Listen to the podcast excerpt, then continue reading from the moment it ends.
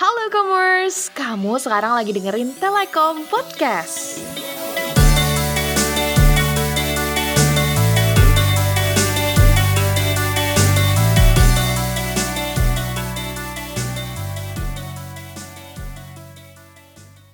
Hai Commerce, welcome back to Telekom Podcast.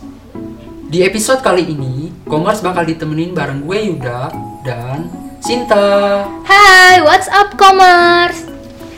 Nah Sinta, gimana nih lebarannya kemarin? Hahaha, lumayan rame sih ya.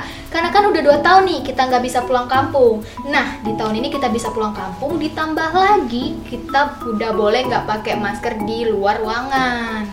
Oh iya, bener juga. Setelah 2 tahun kan nggak pulang ya? Ya dong, alhamdulillah. Jadi bisa kumpul bareng keluarga dan teman-teman di kampung. Terus-terus kegiatan lo selama lebaran ngapain aja tuh? Abis sholat, salam-salaman, makan rendang, ngirup THR, abis itu ngapain deh? Hmm, ngapain ya? Gue sih paling scroll sosmed, upload foto-foto. Lo juga gitu nggak sih, Yud? Bener sih ini. Kena FOMO gitu gak sih lo waktu lebaran? Wih, kamu dari mana tuh, Yud? FOMO apa anda? Perasaan gue baru denger deh. Jadi, FOMO itu fear of missing out scene. Jadi kalau lo ngerasa takut, khawatir sama suatu hal, berita atau kabar lainnya yang lagi happening di masyarakat, itu udah fix sih lo FOMO. Misalnya nih, kasus lebaran kemarin. Lo lihat orang up foto keluarga di sosmed, terus lo jadi gak mau kalah juga. Atau ngerasa ketinggalan karena keluarga lo belum foto-foto. Dan belum bisa pamer di snapgram kayak yang lain tuh. Oh iya iya iya iya, gue ngerti sekarang. Berarti kasus FOMO ini sebenarnya sering banget dong terjadi di kehidupan kita sehari-hari, ya nggak sih? Bener banget Sin, apalagi dengan perkembangan teknologi yang makin canggih ya Sin Kita kan dikit-dikit buka sosmed Jadi lihat tuh, widih artis A beli kereta bayi 15 juta gitu kan Atau artis B mau es krim yang dibeli sepabrik-pabriknya Ya nggak gitu juga dong.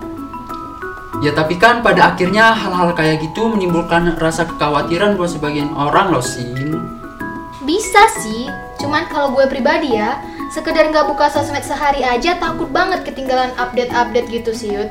Jadi bawaannya gue pengen ngecek sosmed terus tiap detik, tiap saat, di mana pun, kapan pun. Commerce juga pasti banyak nih yang ngalamin kayak gini, ya nggak? Nah, akhirnya sekarang lo udah benar-benar paham kan konsep FOMO ini Sin Paham dong. Semoga commerce juga bisa ngerti ya obrolan kita tadi.